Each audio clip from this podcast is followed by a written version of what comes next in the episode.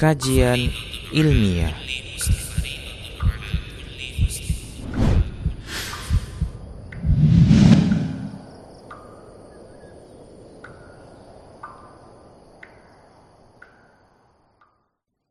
Assalamualaikum warahmatullahi wabarakatuh.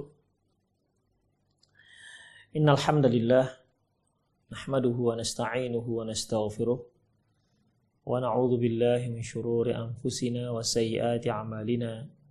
من يهده الله فهو المهتد ومن يضلل فلن تجد له وليا مرشدا. أشهد أن لا إله إلا الله وحده لا شريك له وأشهد أن محمدا عبده ورسوله الذي لا نبي بعده. فقال الله سبحانه وتعالى يا أيها الذين آمنوا اتقوا الله حق تقاته ولا تموتن إلا وأنتم مسلمون. يا أيها الذين آمنوا اتقوا الله وقولوا قولا سديدا.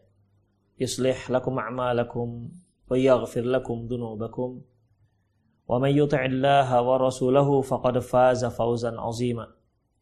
يا أيها الناس اتقوا ربكم الذي خلقكم من نفس واحدة وخلق منها زوجها وبث منهما رجالا كثيرا ونساء. واتقوا الله الذي تساءلون به والأرحام.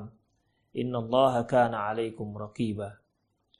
أما بعد إن أصدق الحديث كتاب الله وخير الهدي هدي محمد صلى الله عليه وسلم وشر الأمور محدثاتها وكل محدثة بدعة وكل بدعة ضلالة وكل ضلالة في النار. muslimin wal muslimat, para pemirsa Rosat TV, para pendengar radio Medan Mengaji di mana pun Anda berada. Alhamdulillah sore hari ini menjelang berbuka puasa kita kembali lanjutkan pelajaran kita tentang sunnah-sunnah harian di mana yang kajian lalu kita telah membahas sunnah terkait dengan bangun tidur.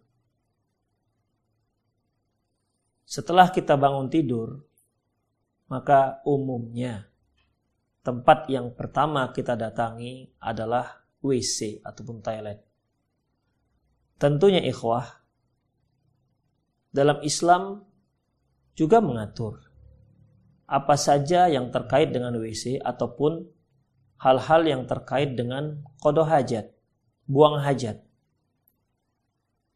Sebagaimana tujuan kita mempelajari ini agar aktivitas ataupun rutinitas yang kita lakukan setiap harinya itu memiliki nilai pahala di sisi Allah Subhanahu wa taala atau ada nilai ibadah di sisi Allah Subhanahu wa taala. Untuk itu, kita harus mengetahui bagaimana syariat Islam mengatur terkait tentang kodoh hajat. Para pemirsa di mana pun Anda berada, sebelumnya perlu kita ketahui bahwasanya seorang yang dapat melakukan kodoh hajat, dia mudah melakukan buang airnya, baik air besar maupun air kecil. Ini merupakan nikmat dari Allah Subhanahu wa taala. Mereka yang mudah kodoh hajat merupakan salah satu nikmat Allah yang besar yang diberikan kepada kita. Itu merupakan karunia merupakan anugerah yang Allah berikan kepada kita. Hanya saja, saya ulangi kembali bahwa nikmat tersebut tidak terasa berharganya di saat itu biasa pada diri kita. Namun akan terlihat, terasa pada diri kita berharganya ketika nikmat tersebut dicabut oleh Allah Subhanahu wa taala. Makanya seorang anak Adam, jika dia tidak mampu melakukan kodoh hajat, hidupnya tidak akan tenang. Ya, dia merasa sebagai orang yang pesakit. Bahkan dia rela untuk mengeluarkan jutaan uang agar dia bisa melakukan kodoh hajat. Bayangkan ikhwafiddin, bagi mereka yang biasa lakukan kodoh hajat, terkadang sehari bisa dua atau tiga kali nggak terasa bagi dia bahwasanya itu merupakan sebuah sebuah nikmat dari Allah. Tapi coba di saat Allah berikan dia semblit. Susah melakukan kodoh hajat. Susah kalau dia mau buang air kecil. Setiap kali dia melakukan buang air kecil terasa susah. Terasa sakit. Seperti orang yang terkena sakit apa ya batu ginjal misalnya. Ya, dia merasa nikmat kalau dia buang air itu, buang air kecil itu lancar. Terasa nikmat kalau buang air besarnya terlan, terlihat apa terasa lancar. Itulah dia ikhafidin. Makanya ini merupakan nikmat yang Allah Subhanahu wa taala berikan kepada kita yang juga memang sudah selayaknya kita mencukuri hal itu. Kemudian ikhwah, terkait dengan kodoh hajat, terkait dengan buang hajat. Ada beberapa perkara ataupun sunnah-sunnah atau aturan-aturan yang perlu kita perhatikan. Yang pertama ikhwah, yaitu hendaklah kita ketika buang hajat kita cari tempat yang tertutup. Kita mencari tempat yang tertutup atau kalau di sana ternyata tidak ada tempat yang tertutup dikarenakan padang luas, menjauhlah dari orang ramai. Menjauhlah dari orang ramai. Hal ini ikhwah berdasarkan Hadis yang diriwayatkan oleh Imam Abi Dawud dan Imam Nasai. Anna Nabi sallallahu alaihi wasallam kana idza dhahaba al-madhhab ab'ada. Nabi sallallahu alaihi wasallam apabila beliau buang hajat, beliau menjauh dari rombongannya, menjauh dari pandangan manusia. Dalam hadis yang lain, ya, annahu kana idza arada al-hajat abah abada. Bahwasanya beliau sallallahu alaihi wasallam kalau mau buang hajat abada. Beliau menjauh dari dari rombongan, dari manusia, dari penglihatan manusia-manusia yang lainnya. Oleh karena itu Khafiddin ya, sudah selayaknya ketika kita buang hajat jangan sampai terlihat oleh orang lain. Makanya ya, kalau kita mendapatkan tempat yang tertutup seperti WC, toilet, maka itu suatu tempat yang bagus untuk kita melakukan buang hajat di sana. Dan juga Rasulullah Shallallahu Alaihi Wasallam pernah buang hajat di balik semak-semak ataupun di balik dinding misalnya. Dalam sebuah hadis yang diriwayatkan oleh Imam Muslim dari Abdullah bin Ja'far radhiyallahu anhu, qala dia berkata, "Anna Nabiya sallallahu alaihi wasallam bahwasanya Rasulullah sallallahu alaihi wasallam kana ahabba mas mastatara bihi li hajati hadaf. Bahwasanya tempat yang paling favorit bagi Rasulullah untuk buang hajat yaitu di balik dinding. Au haish an-nakhl ataupun semak-semak eh, pohon kurma. Jadi ikhwah pohon kurma itu dia kan pohon kurma ada induknya, buahnya kan jatuh tuh. Dari buahnya jatuh ini bijinya itu tumbuh. Jadi satu induk kemudian ada banyak banyak anak di di bawah di sekeliling uh, induknya tersebut. Ya ini biasanya kalau pohon kormanya pohon korma liar. Kalau di, di kebun biasanya yang anaknya dicabut ya, dibiarkan induknya sendiri supaya tidak berebut makanan. Tapi kalau yang liar ya, itu biasanya ada di, di, di sekitar induk pohon korma itu ada anak-anak pohon korma. Jadi seperti kita katakan semak-semaknya korma. Ya, semaknya. Jadi Rasulullah SAW kalau buang hajat, beliau buang hajat di balik semak-semak tersebut. Makanya kalau macam kita sekarang ya, kalau tidak ada tempat tertutup, toilet misalnya, ya carilah semak-semak. Apakah semak ilalang misalnya, atau semak-semak yang bisa uh, melindungi kita dari penglihatan orang lain. Ini yang pertama ikhwafiddin, yaitu kita cari tempat yang menutupi kita dari pandangan orang lain. Kemudian ikhwafiddin, rahimani Allah wa iyyakum. Yang berikutnya yaitu yang perlu kita fahami yaitu ketika kita masuk ke WC tersebut, ya, kita jangan bawa apa pun yang di situ ada tulisan nama Allah. Jangan. Apakah topinya, pecinya ada tulisan Allahu Akbar misalnya, ataupun dia punya apa namanya punya baju atau apa ya pin ya kadang-kadang kan ada orang yang suka letakkan pin atau kalau dia seorang akhwat dia pakai brus misalnya maka jangan sampai di situ ada tulisan nama Allah atau HP misalnya ya. HP kalau di layarnya itu tertampilkan nama Allah. Ingat ya tertampilkan bukan dalam keadaan off. Tertampilkan nampak di situ bacaan terlihat terbaca. Bisa dibaca ada nama Allah di di layarnya tersebut, maka tidak boleh HP tersebut dibawa masuk ke dalam WC. Jadi dia matikan dulu. Atau dia gelapkan dulu screennya. Maka boleh eh, barulah boleh dia bawa HP tersebut ke dalam WC. Jadi dia perhatikan ya, dia perhatikan jangan sampai ada eh, benda-benda uh, yang di situ ada tulisan nama Allah masuk ya dia bawa masuk ke dalam ke dalam WC. Demikian ikhwafiddin. Apalagi misalnya dia bawa Quran misalnya, ya, dia bawa Quran, dia bawa Quran, jangan dia bawa Quran masuk ke dalam WC, nggak dibolehkan ikhwah. Demikian ikhwafiddin rahimani Allahu wa iyyakum. Jadi itu yang harus dia perhatikan, ya, karena biasanya kalau orang Muslim itu dia uh, apa namanya erat dengan simbol-simbol yang namanya keislaman. Dengan nama-nama Allah ya. Kadang-kadang dia punya asmaul husna misalnya. Maka jangan dia bawa masuk ke dalam WC ya. Karena kalau dia tahu itu kemudian dia sengaja membawanya masuk berarti dia seperti sedang menghinakan nama Allah Subhanahu wa taala. Kemudian ikhwatifiddin, yang selanjutnya yaitu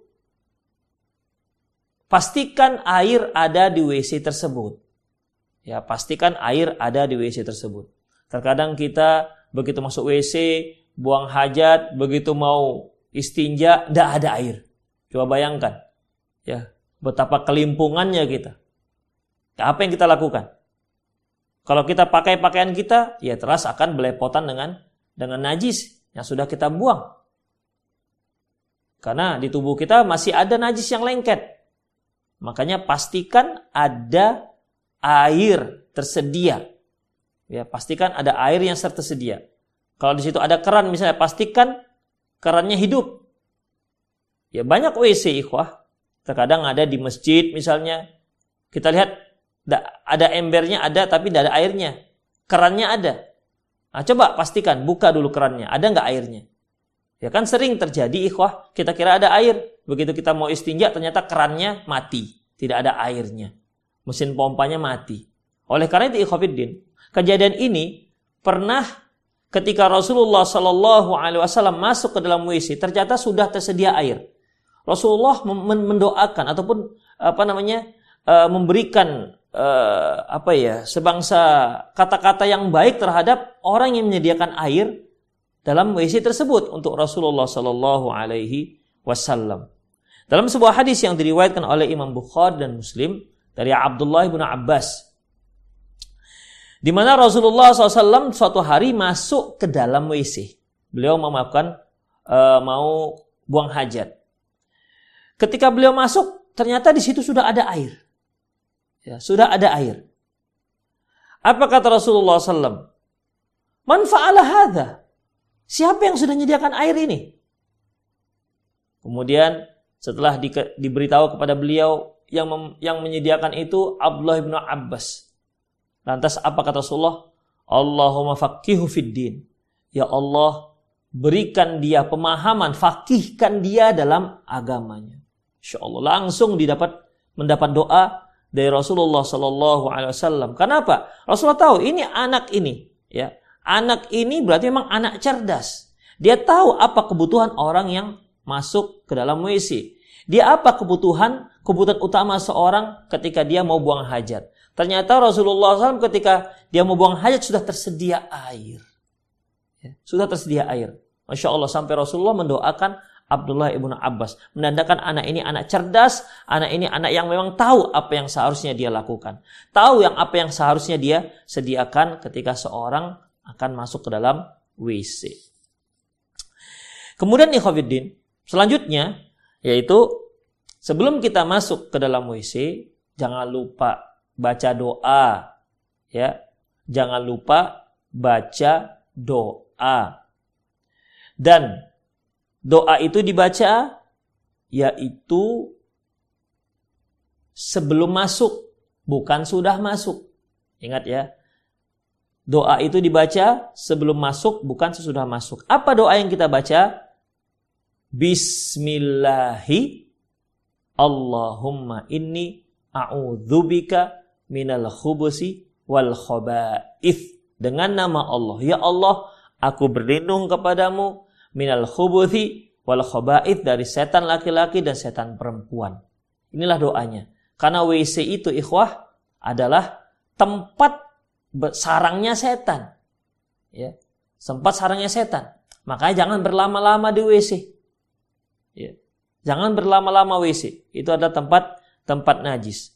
Dasarnya ikhwah, kenapa harus pakai bismillah di awalnya, baru kemudian Allahumma inni a'udzubika minal khubusi wal khaba'ith. Alasannya yaitu pertama hadis yang disabdakan Rasulullah sallallahu alaihi wasallam sitru ma bainal jinni wa aurati bani Adam idza dakhala al kanif ayyakula bismillah. Bahwa penutup aurat anak Adam ketika dia berada di dalam WC adalah ucapan bismillah. Ya seorang kalau dia mau buang hajat, gak kan mungkin dia gak buka auratnya. Bagaimana dia mau buang? Ya, pasti dia akan buka auratnya supaya mudah dia buang buang hajat. Ya, ketika dia buka auratnya di tempat banyak setan di sana, maka untuk menutupi aurat kita dari pandangan jin-jin yang mungkin banyak di situ dengan cara apa? Baca bismillah. Ya, bismillah. Kemudian, barulah kemudian hadis yang diriwayatkan oleh Imam Bukhari dan Muslim dari Anas bin Malik anna sallallahu wasallam kana idza dakhal khala bahwasanya apabila Rasulullah sallallahu alaihi wasallam masuk ke dalam WC hendak masuk ke dalam WC qal beliau mengatakan Allahumma inni a'udzubika minal khubuthi wal khaba'ith Allahumma inni a'udzubika minal khubuthi wal khaba'ith. Jadi khafidin kesimpulannya doa masuk WC, doa sebelum masuk ke dalam WC, jangan lupa bismillahnya. Bismillah. Hanya bismillah ya, bukan bismillahirrahmanirrahim. Enggak pakai ar-Rahman, enggak pakai ar-Rahim. Jadi bismillah aja. Bismillah dengan nama Allah. Allahumma inni a'udzubika minal khubuthi wal khaba'ith. Maka Allah lindungi dia dari gangguan setan-setan dan Allah tutup auratnya dari pandangan-pandangan jin dan setan yang ada dalam WC tersebut. Lantas ikhafidin rahimani Allahu wa iyyakum. Kalau kita buang hajat bukan di WC. Misalnya nih kita pergian ke mana misalnya. Kita bepergian ke mana begitu kan. Kemudian ada sesak misalnya. Maka kita berhenti mobil kita parkir sebentar. Kita mau buang hajat. Mungkin di apa namanya di ya di sawit-sawit lah misalnya di toko uh, di kebun-kebun sawit misalnya atau di ladang siapa begitu di tanah siapa ya yang penting kita mau sesak lah ini kita mau sesak buang hajat kapan kita baca doa tersebut ya kapan kita baca doa tersebut rahimani Allahu wa iyyakum kalau kita uh, buang air di tempat yang tidak ada bangunannya, artinya tidak ada batasnya, maka kita bacanya di saat di tempat kita akan buang hajat. Di tempat kita akan buang hajat. Misalnya nih, kita lihat ada tempat yang strategis lah tuh kan. Sepertinya tenang nih kita kalau buang hajat nggak diganggu orang, nggak ada orang lewat misalnya, di balik semak misalnya, maka ketika kita masuk di tempat kita akan buang hajat itu, di situlah kita baca Bismillahi Allahumma inni a'udzubika minal khubusi wal khaba'is. Allahu alam bisawab. Kemudian ikhwah, uh, yang berikutnya yaitu ketika kita mau masuk WC, ketika kita mau masuk WC, maka langkahkan kaki langkahkan kaki kiri terlebih dahulu masuk ke dalam WC. Langkahkan masuk kaki kiri terlebih dahulu ke dalam WC. Apakah ini ada dalilnya? Ya, ikhwah, dalam masalah ini tidak ada satupun hadis yang menyebutkan dari Rasulullah Shallallahu Alaihi Wasallam bahwasanya ketika beliau mau masuk ke dalam WC, beliau melangkahkan kaki kiri terlebih dahulu masuk ke dalam WC. Nggak ada.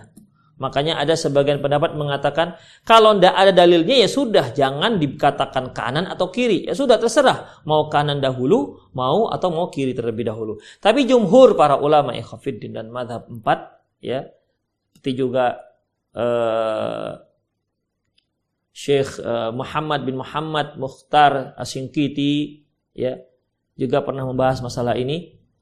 Beliau mengatakan bahwasanya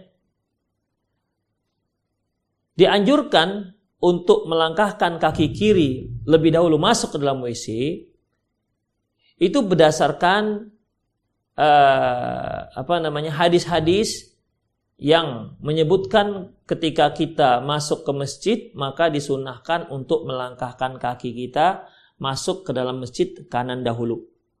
Kalau keluar kiri dahulu. Ya. Karena masjid merupakan lawan daripada WC, ya, karena masjid merupakan lawan dari WC, maka disunahkan kebalikan masjid. Ya. Kalau masjid artinya luar dengan dalam masjid bahwasanya dalam masjid itu lebih utama, lebih mulia ketimbang tempat yang ada di luar masjid. Makanya ketika kita mau masuk masjid, kita mau memasuki tempat yang lebih mulia dari tempat yang kita tinggalkan. Kita akan masuk ke tempat yang lebih mulia ketimbang tempat yang kita tinggalkan. Maka kita masuk terlebih dahulu dengan melangkahkan kaki kanan. Ketika kita keluar dari masjid, kita akan memasuki tempat yang uh, kita akan meninggalkan tempat yang lebih mulia ketimbang tempat yang akan kita masuki, yaitu luar masjid. Maka kita langkahkan kaki kiri. Dari sinilah pendalilan bahwasanya disunnahkan ya dianjurkan untuk melangkahkan kaki kiri dahulu. Karena apa? Karena luar WC itu lebih mulia ketimbang dalam WC. Makanya ketika dia mau masuk ke dalam WC disunahkan untuk melangkahkan memasukkan terlebih dahulu kaki yang sebelah kiri. Allahu a'lam bissawab. Kemudian para uh, para pemirsa di mana pun anda berada, selanjutnya ketika kita masuk ke dalam WC, maka kita mulailah mau buang hajat. Maka kita harus perhatikan arah jangan sampai kita menghadap ataupun membelakangi kiblat. Hal ini berdasarkan hadis yang diriwayatkan oleh Imam Bukhari dan Imam Muslim dari Abi Ayyub Al Ansari radhiyallahu anhu, qala Rasulullah sallallahu alaihi wasallam, Rasulullah sallallahu alaihi wasallam bersabda, "Idza ata ahadukumul ghaid fala yastaqbilul qiblah." Apabila kalian masuk ke dalam WC. Fala tastaqbilul kiblah. Janganlah kalian menghadap kiblat.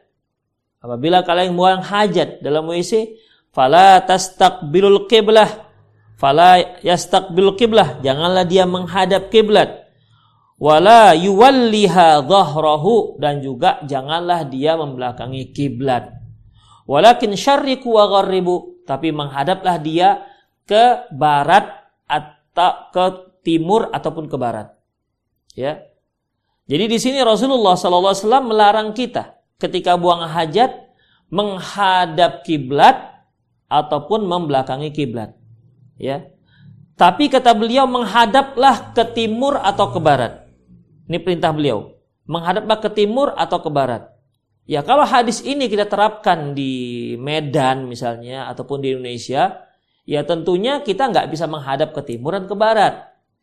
Mengapa Rasulullah menyuruh menghadap ke timur atau ke barat? Ke barat karena ikhwah posisi kota Madinah, ya posisi kota Madinah, kemudian kalau kita lihat peta bawahnya itu Mekah. Jadi kiblat kota Madinah itu ke arah selatan.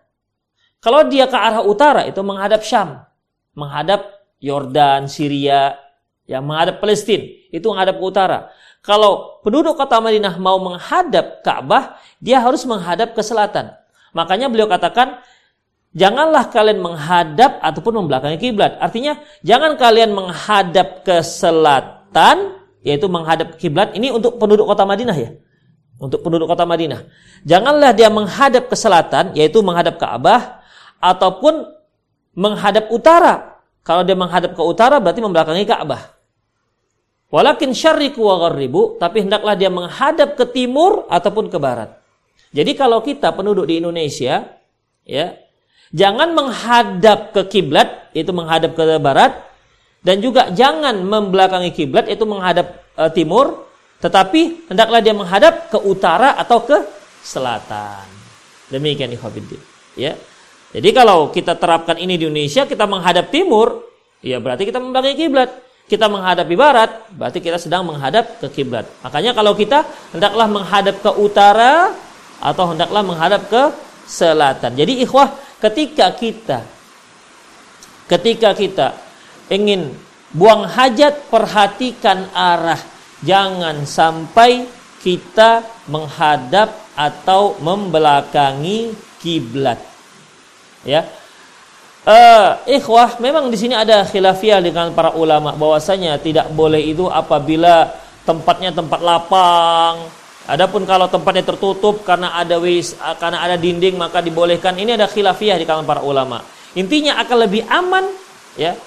Akan lebih aman kita menjauhi ini. Dengan tidak menghadap kiblat dan dengan tidak membelakangi kiblat, kita aman dari masalah khilafiyah. Demikian. Kemudian uh, selanjutnya ikhwah, bagaimana kalau ternyata seperti kita ke mall misalnya, kalau kita punya rumah sendiri ya ketika kita bangun rumah sudah kita set lah kalau arahnya tidak membelakangi atau menghadap kiblat. Gimana kalau kita ke bandara misalnya? Kita membuang hajat, ternyata posisi toiletnya itu membelakangi atau menghadap kiblat. Bagaimana ikhwatiddin? Ya kita miringkan badan kita. Ya. Kita miringkan badan kita jangan sampai kita menghadap dan membelakangi kiblat. Bagaimana kalau seandainya kita nggak tahu? Ya sudah, kalau seandainya nggak tahu, Allah Subhanahu wa taala tidak memberikan hukum terhadap orang yang tidak tahu. Selanjutnya ikhwah, upayakan jangan buang air sambil berdiri tentunya ini terkait dengan buang air kecil khususnya bagi kaum laki-laki. Upayakan jangan buang air kecil sambil berdiri ya. Dalam sebuah hadis yang diriwayatkan oleh uh, Imam At-Tirmidzi dari Aisyah radhiyallahu anha man haddatsakum anna Rasulullah sallallahu alaihi wasallam kana yabulu qa'iman fala tusaddiquh Siapa saja yang pernah mengatakan kepada kalian, menceritakan kepada kalian bahwasanya Rasulullah Rasulullah buang hajat sambil berdiri ataupun buang air kecil sambil berdiri, fala tusaddiquh. Jangan kamu percaya kata Aisyah radhiyallahu anha. Maka nayabulu illa qaidan. Beliau itu tak pernah ya, beliau tidak pernah buang air kecil sambil berdiri. Beliau nggak pernah. Beliau selalu buang air kecil sambil sambil jongkok. Begitulah ikhafidin kata Aisyah. Ya kita ketahui bahwasanya Aisyah radhiyallahu anha senantiasa di rumah bersama beliau. Rasulullah sallallahu alaihi wasallam. Sehingga Aisyah tahu bagaimana aktivitas Rasulullah Shallallahu Alaihi Wasallam ketika beliau berada dalam WC. Tapi ikhafiddin, rahimani Allah wa iyyakum. Ternyata dalam hadis yang lain pernah beliau buang air kecil sambil berdiri.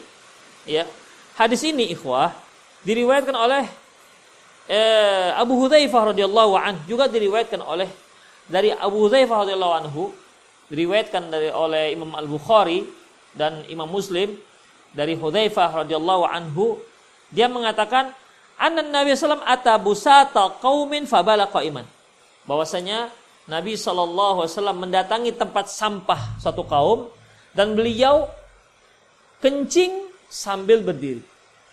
Buang air kecil sambil berdiri. Bagaimana kita mengkompromikan dua hadis ini?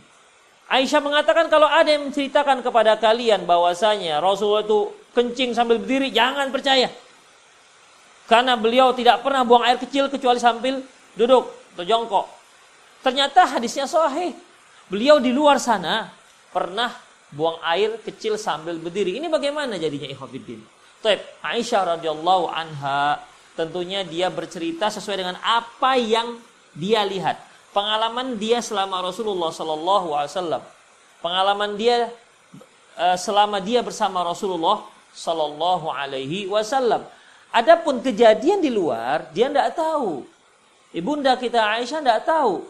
Jadi di luar sahabat yang bersama beliau bepergiannya itu lebih tahu ketimbang Aisyah radhiyallahu anha. Jadi bagaimana ya Khafiddin? Karena Rasulullah itu sering di rumah, ya. Sementara ini Rasulullah pernah buang air sambil berdiri, maka ini bisa kita simpulkan bahwasanya karena sampai Aisyah mengatakan, jangan kalian percaya. Berarti memang umumnya dalam kehidupan beliau, ya, beliau buang air itu sambil jongkok, bukan sambil berdiri. Lantas kenapa ketika di luar beliau sambil berdiri? Karena pada saat itu nggak memungkinkan untuk buang air sambil jongkok. Karena dikhawatirkan akan terkena percikan-percikan buang uh, air seninya. Oleh karena itu Ikhwafidin beliau berdiri sambil uh, buang air sambil berdiri. Jadi gimana kita simpulkan Ikhwafidin? Pada dasarnya uh, buang air itu ya buang air kecil itu sambil jongkok atau duduk. Kalau ternyata memang nggak memungkinkan, maka boleh sambil berdiri. Demikian ikhwatiddin.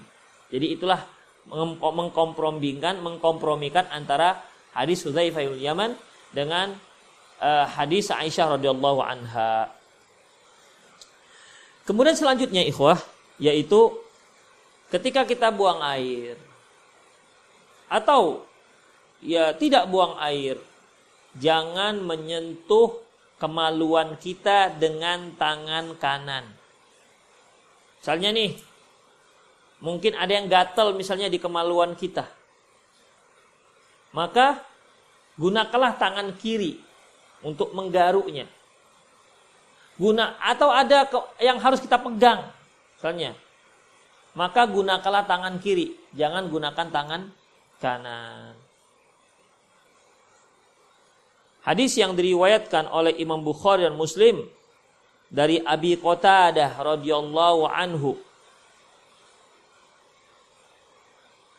Qala Rasulullah sallallahu alaihi wasallam. Rasulullah sallallahu alaihi wasallam bersabda, "Idza bala ahadukum fala ya'khudanna dzakarahu biyaminih." Apabila salah seorang kalian buang air kecil, jangan dia pegang kemaluannya dengan tangan kanannya. Jangan dia pegang kemaluan dengan tangan kanannya. Jadi gunakanlah selalu tangan kiri. Berikutnya ikhwah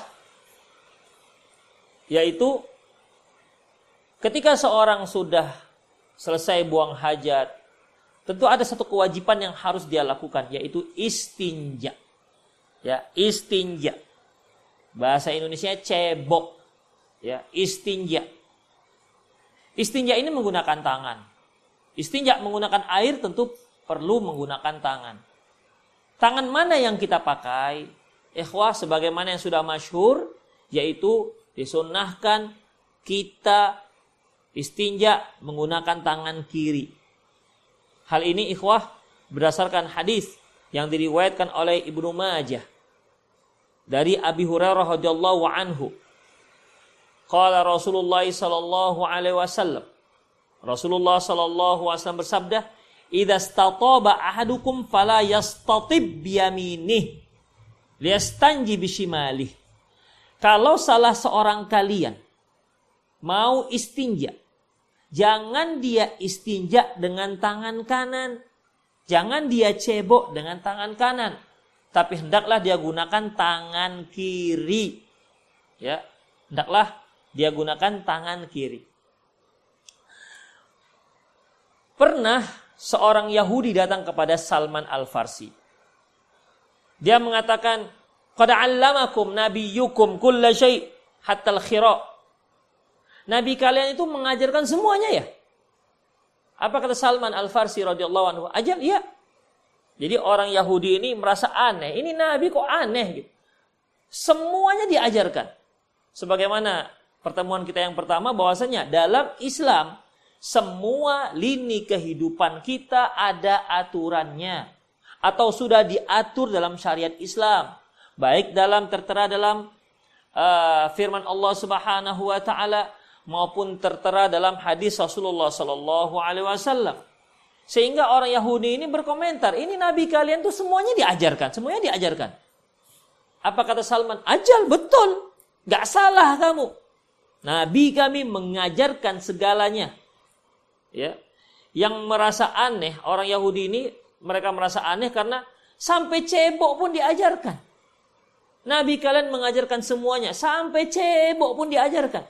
Istinja pun diajarkan. Salman Al-Farsi mengatakan, "Naam, ya, betul, tak salah lagi. Nabi kami mengajarkan semuanya sampai bagaimana cara istinja." Laqad nahana an nastaqbil an nastaqbil al-qiblah li ghaid aw baulin. Kami telah dilarang oleh beliau menghadap kiblat ketika buang air kecil maupun ketika buang air besar au nastanji bil yamin dan kami dilarang cebok atau istinja dengan tangan kanan. Jadi ikhwah ya, jangan lupa bagi siapa yang kidal kan ada orang yang kidal. Di mana tangan kirinya lebih aktif, lebih kuat. Kan umumnya orang itu tangan kanan lebih kuat ya. Ya, tangan kanan lebih kuat. Ini kidal, ya gunakan kidal itu untuk istinja. Ya, gunakan kidal itu istinja. Bukan dikarenakan karena dia aktifnya selalu pakai kiri, sementara orang lain pakai kanan, maka ketika orang lain banyak aktif menggunakan tangan kanan, maka istinja tangan kiri. Kalau dia aktifnya dengan tangan kiri, maka istinja dengan tangan kanan. Enggak. Ya, tetap yang kidal gunakan tangan kiri ketika dia istinja. Kemudian ikhwatiddin. Istinja itu ada dua jenis alat yang digunakan untuk istinja. Yang pertama yaitu air. Yang kedua yaitu batu. Antara air dengan batu, ya, kita boleh pilih. Beda dengan tayamum. Kalau tayamum fa illam tajidu ma'an fatayammamu sa'idan. Kalau kalian tidak mendapatkan air, maka kalian bisa bertayamum. Itu untuk wudhu. Tapi untuk istinja antum boleh pilih Para pemirsa boleh pilih kepingin pakai air kah atau kepingin pakai batu. Silakan. Lebih afdol lagi setelah pakai batu gunakan air. Double dia, itu lebih bagus. Ya. Uh, ikhwah, kalau seorang istinjaknya atau istijmar lah dalam bahasa Arab, istijmarnya dengan menggunakan selain air seperti batu, maka hendaklah dia gunakan tiga buah batu. Ya, dia gunakan tiga buah batu atau lima batu atau hitungan yang yang witir, yang ganjil. Berdasarkan hadis yang diriwayatkan oleh Imam Bukhari dari Abi Hurairah radhiyallahu anhu, qala Rasulullah sallallahu alaihi wasallam, Rasulullah sallallahu alaihi wasallam bersabda, "Man istajmara fal yutir. Barang siapa yang mau istinja dengan batu, hendaklah yutir. Dia gunakan bilangan ganjil. Jadi tiga batu. Kalau juga belum bersih, lima batu. Kalau juga belum bersih, gunakan tujuh batu. Ya tapi ikhafidin, pilihlah batu batu yang memang layak digunakan untuk istinja. Jangan gunakan batu yang yang tajam-tajam ya. Gunakanlah batu yang yang bisa. Ya, bisa digunakan untuk istinja. Dan ikhwah untuk penggunaan batu selain air kita bisa menggunakan batu atau apa lagi tisu misalnya daun misalnya atau apa lagi misalnya eh, kain boleh ya atau kayu misalnya ya pilihlah ya pilih yang bisa digunakan untuk istinja. Taib. Adapun tulang nggak dibolehkan. Misalnya kita mau istinja nih nggak ada air, ya, atau kita kepingin selain air, kita tengok ada tulang tulang sapi gede misalnya tulang kakinya. Kita gunakan itu untuk istinja nggak dibolehkan. Mengapa demikian ikhafiddin karena Rasulullah Shallallahu Alaihi Wasallam pernah bersabda la tastanju birrauthin wala bil azamin fa innahu zada ikhwanukum minal jin janganlah kalian beristinja dengan rauth rauth itu kotoran hewan kotoran hewan ternak ya kemudian jangan juga dia uh, kotoran hewan ternak ini maksudnya yang sudah kering ya. Karena kotoran hewan ternak itu kalau sudah kering itu kan bisa membatu. Ya, bisa membatu dia. Dan bisa dikira itu batu. Makanya kata Rasulullah, jangan kalian istinja dengan kotoran hewan yang sudah kering. Ingat ya, yang sudah kering, bukan yang masih lembek. Masih lembek akan bisa jadikan sebagai istinja. Dengan kotoran, yang kedua dengan dengan tulang. Kenapa? Karena dua benda ini merupakan uh, bekal untuk teman-teman kalian dari kelompok jin. Bekal perjalanan mereka. Jadi itulah dia makan, yang mereka makan. Jadi kalau kita makan nih, kita makan daging sisa tulangnya, tadi kita baca bismillah, kita makan, kita buang di tulang. Ah, nanti itu tulang kalau dilihat didapati oleh uh, kaum jin, maka dia akan mendapatkan daging di sekitar tulang tersebut. Makanya nggak boleh kita gunakan untuk istinja. Kemudian ikhwatiddin rahimani Allah wa iyyakum. Ketika kita masuk di dalam WC juga jangan sebut-sebut nama Allah. Jangan dia ketika buang air kemudian dia zikir subhanallah walhamdulillah. Jangan. Kerajinan itu namanya. Di dalam WC tidak boleh menyebutkan nama Allah. Tidak boleh menyebutkan nama Allah. Apa dasarnya ikhwatiddin? Rasulullah Shallallahu alaihi wasallam pernah suatu hari beliau sedang buang air. Ya. Hadis ini diriwayatkan oleh Ibnu Majah dari Jabir radhiyallahu anhu. Rasulullah SAW saat itu sedang buang air kecil. Lantas lewat sahabat. Lewat sahabat dilihat Rasulullah. Nampak dia Rasulullah. Assalamualaikum ya Rasulullah. Jadi mengucapkan salam. Apakah beliau langsung mengucapkan sal membalas salamnya? Enggak. Karena assalam itu termasuk nama Allah Subhanahu wa taala. Beliau enggak menjawabnya langsung. Wa lahu setelah selesai Rasulullah sallallahu alaihi wasallam ya eh, buang air kemudian beliau berkata kepada sahabat tadi, "Idza wajadtani ala misli hadzal hal fala tusallim alayya." Kalau kamu bertemu dengan aku dengan kondisi seperti ini, jangan kamu ucapkan salam kepadaku. Kenapa? Fa innaka in fa'alta dzalika lam arudda 'alaika. Kalau kamu lakukan itu, aku nggak bisa membalas ucapan salam kamu. Makanya ikhwafidin dari sini para ulama mengambil kesimpulan bahwasanya tidak boleh menyebut nama Allah, berzikir nama Allah, membaca Al-Quran di dalam WC. Makanya hati-hati bagi para pemirsa yang punya HP, ringtone-nya misalnya ringtone baca Al-Qur'an, ringtone-nya misalnya adzan, ya. Ketika dia bawa ke dalam WC, kemudian ada yang nelpon, maka akan muncul, ya, akan muncul. Demikian juga bacaan bacaan nama Allah sebagaimana yang kita katakan tadi. Misalnya dia dalam WC, dia buka Facebook dia misalnya, Ah, yang namanya Facebook bisa saja orang yang mempostingkan mungkin hadis Rasulullah Shallallahu Alaihi Wasallam atau dia mempostingkan uh, ayat-ayat Al-Quran. Kita buka, kita uh, nggak dibolehkan. Ya, berarti kita sudah memasukkan membawa masuk nama Allah dalam WC. Demikian juga ucapan-ucapan. Mungkin ketika kita buka Facebook, buka WA, kita mau tahu ini apa isinya, kita klik, kita sedang buang hajat, ternyata adzan, ternyata bacaan Al-Qur'an. Makanya hati-hati yang bawa yang membawa HP masuk ke dalam WC. Hati-hati. Ya, karena ikhwafiddin baik bacaan maupun uh, tulisan yang terkait dengan nama Allah Subhanahu wa taala tidak boleh dibawa masuk ke dalam WC. Ya, demikian ikhwatiddin. Atau orang yang bawa HP, kemudian dia lagi buang hajat nih. Di telepon orang diangkat. Kata orang tersebut, "Assalamualaikum." katanya. Jangan Anda jawab, "Waalaikumsalam." Jangan, ya. Karena Anda sedang berada dalam WC. Jadi jangan jawab. Nanti jawabnya setelah keluar. Demikianlah ikhwatiddin. Para pemirsa rahimani Allahu wa iyyakum. Selanjutnya apa lagi? Yaitu uh, setelah kita istinja ya, kita cuci tangan, maka ada baiknya kita cuci tangan kita dengan sabun. Dengan deterjen. Supaya lebih bersih. Mengapa demikian ikhwatiddin? Hal ini cocok dengan sunnah Rasulullah Sallallahu Alaihi Wasallam ya. Cocok dengan sunnah Rasulullah Sallallahu Alaihi Wasallam.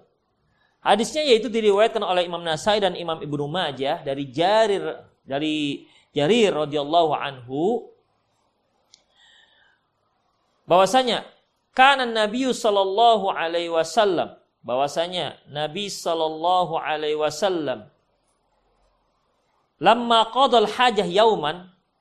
Ketika beliau buang hajat ya satu hari qala li Jarir.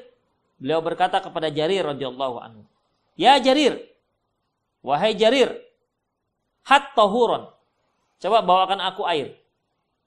Fastanja bil ma. Lantas Rasulullah pun istinja cebok dengan air. Wa kana biadihi fadallaka biha al-ard. Setelah dia istinja dia cuci tangannya kemudian dia dia usap-usapkan tangannya tersebut ke ke tanah. Nah, demikian ikhwafiddin.